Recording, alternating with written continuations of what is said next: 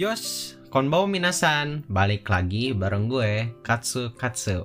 Today, gue bakal bahas Eurocamp episode 7. Episode kali ini bakal nyeritain rencana dari Desko camping solo. Tanpa basa-basi, yuk kita langsung let's go. Detik-detik awal menceritakan Nadesco yang udah jalan sampai ke tempat campingnya.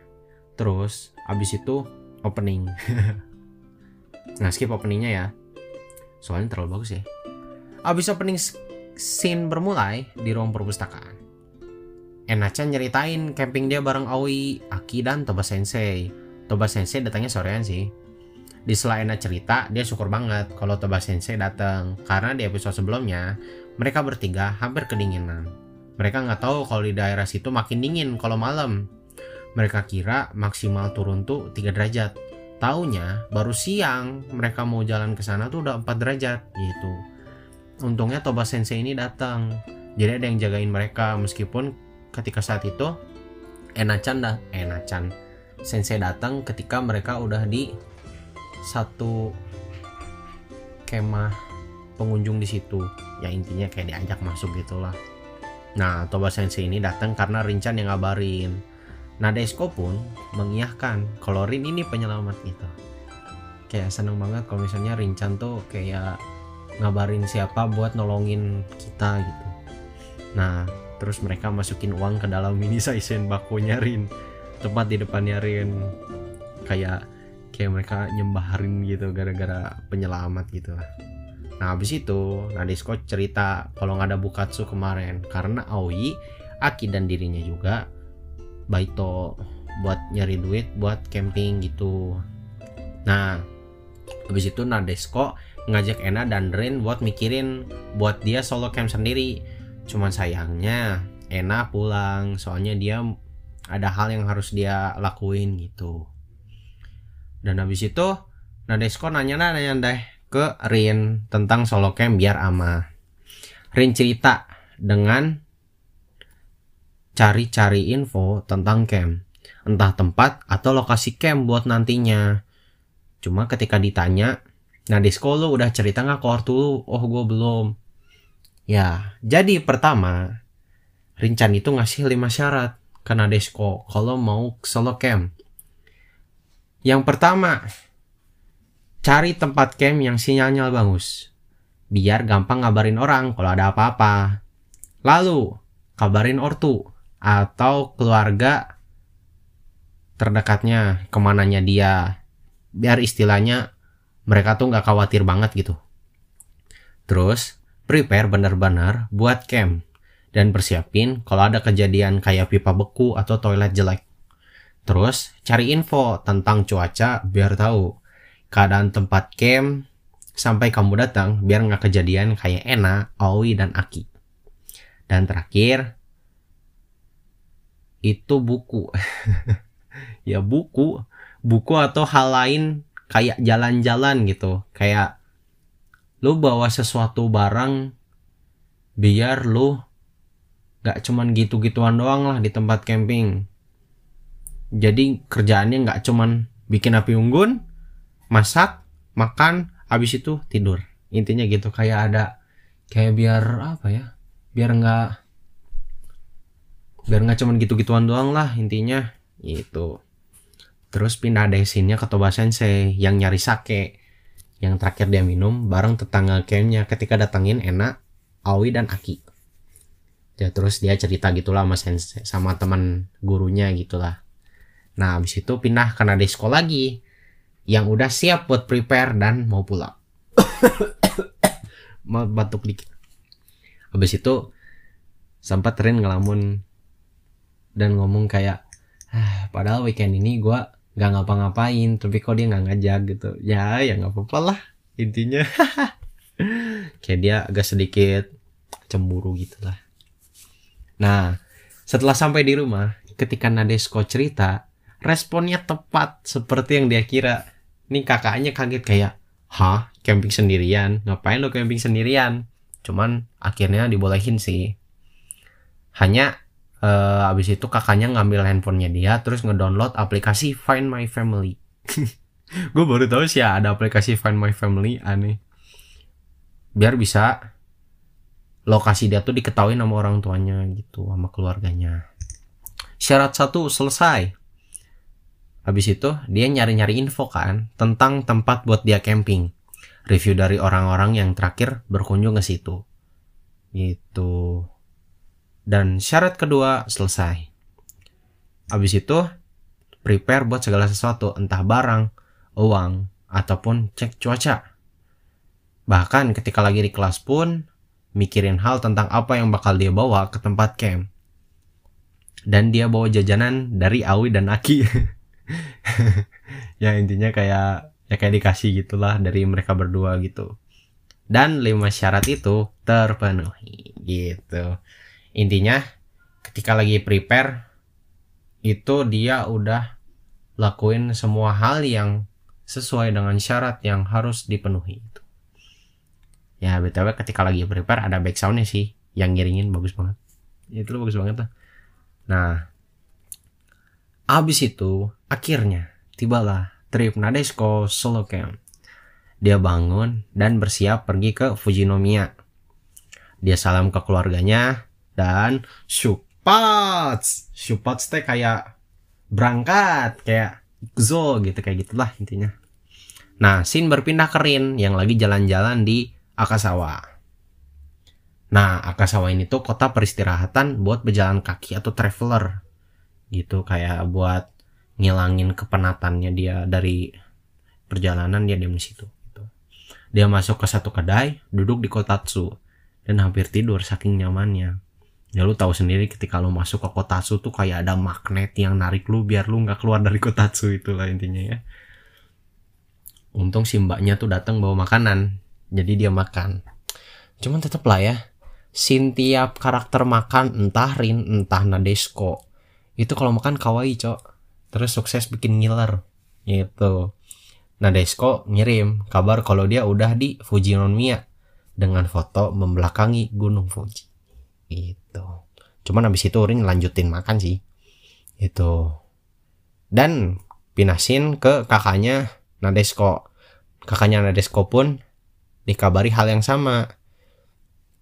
Cuma kakaknya kali ini pergi naik mobil entah ke mana. Ntar kita bakal tahu di menit-menit selanjutnya.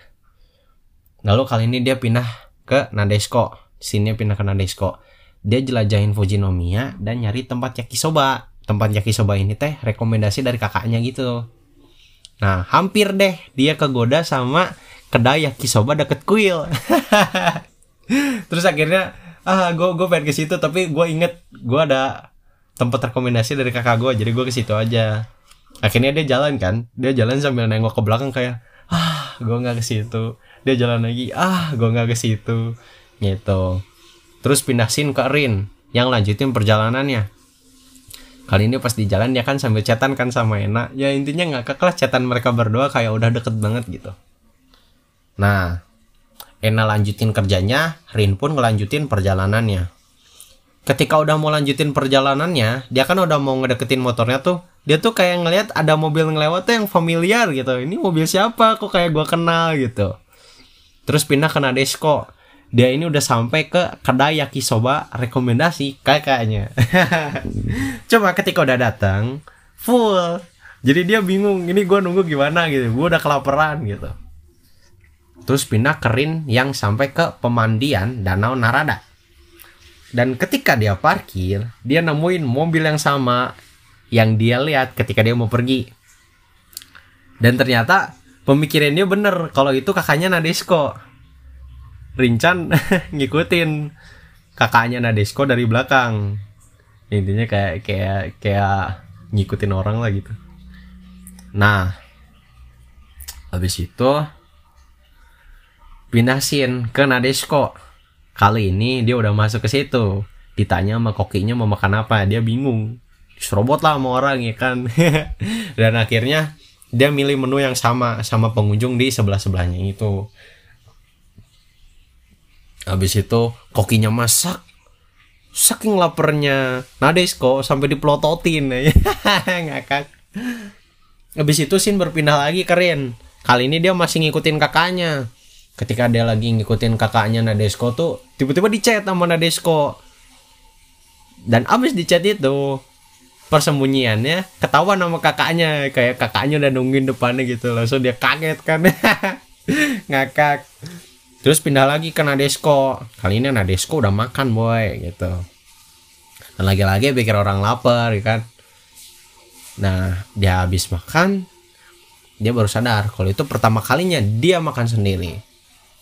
Ya hasil ketika dia baru pertama kali ya dia caw lanjutin dong. Jadi dia lanjutin makannya gitu. Pindah scene. Kali ini scene-nya berpindah ke Rin dan Sakurasan. Sakurasan tuh kakaknya Nadesco ya. Uh, mereka tuh ngobrol bareng gitu. Cuman ketika lagi ngobrol tuh kayak canggung gitu situasinya. Ya lu bayangin aja. Lu lagi duduk bareng sama kakaknya temen lu. Kalau kakaknya lu sendiri sih nggak apa-apa, lu nggak terlalu canggung lah. Cuman ini kakaknya temen lu. Obrolan apa yang mau dimulai gitu akhirnya dia mulai obrolan mulai obrolan dan dia ingat kalau Sakura-san itu suka sama satu series. Ketika dia lagi camping bareng si Nadesco sih itu camping yang limaan ten, uh, tepatnya camping yang limaan gitu yang ketika si Nadesco sama Rin tuh lagi tidur bareng gitu. Rin mulai obrolan dijawab dengan menggelora kayak hah lu juga suka hal yang itu? Lu suka yang mana? Ini ini apa ini? Gitu lah intinya. Ya habis itu mereka ngobrol seperti biasa gitu dan di sela obrolan mereka tuh sebenarnya mereka tuh khawatir banget gitu sama Nadesco yang camping sendiri. Dan di sela obrolan itu tiba-tiba Nadesco ngechat mereka berdua. Dan ketika ngechat itu kan mereka kayak mau saling ngeliatin oh ini nih Nadesco ngechat. Dan ketika mau ngabarin tuh kayak sebelahan oh lu juga dapat oh lu juga dapat gitu.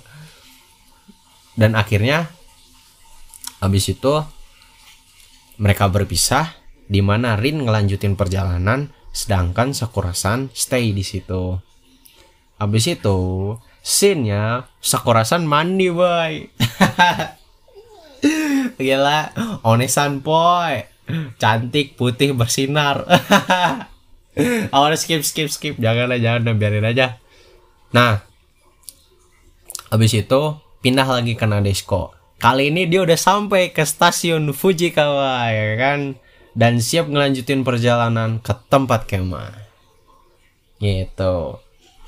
Dan episode selesai sampai di sini dengan ditutup dengan ending yang menenangkan. Nah intinya intinya enak banget lah endingnya ya kan? Sampai gua download itu lagu ya kan? Gue taruh di HP gue gitu. Ya akhirnya yang gitu. Intinya skip lah yang gue tadi cerita ya nah ya itu. Episode today itu it's too good for me. Soalnya abis ujian tuh langsung di healing boy. Sama canda tawa animasi soundnya Eurocamp. Entah dari uh, animasi openingnya. Entah dari alur-alurnya ketika lagi ketika lagi nonton dan endingnya juga mantep lah pokoknya ya kan? Gitu. Ya gitu. Intinya bagus lah nggak tau lah. Gue gue kayak seneng banget gitu nonton Eurocamp gitu. Nah ya itu. Udah selesai lah ya intinya. Dan intinya inget minggu depan itu episode di mana Nadesco bakal camp sendiri. Apakah bakal berjalan lancar atau enggak kita lihat aja minggu depan ya. Gitu. Ya jangan lupa terus ikutin Eurocamp. Horimiya intinya terserah kalian lah kalian mau nonton apa dan jangan lupa dengerinnya di sini oke seperti biasa yuk kita support para pembuat anime supaya bisa nonton anime setiap minggunya dan dikasih animasi yang memanjakan mata oke okay? nah sekian dulu uh, review Eurocamp episode 7 dari gua Mari kita menunggu episode 8 gimana. Mari kita menunggu gimana Anda Desco camping sendirian. Dan sampai jumpa di podcast selanjutnya. Bye.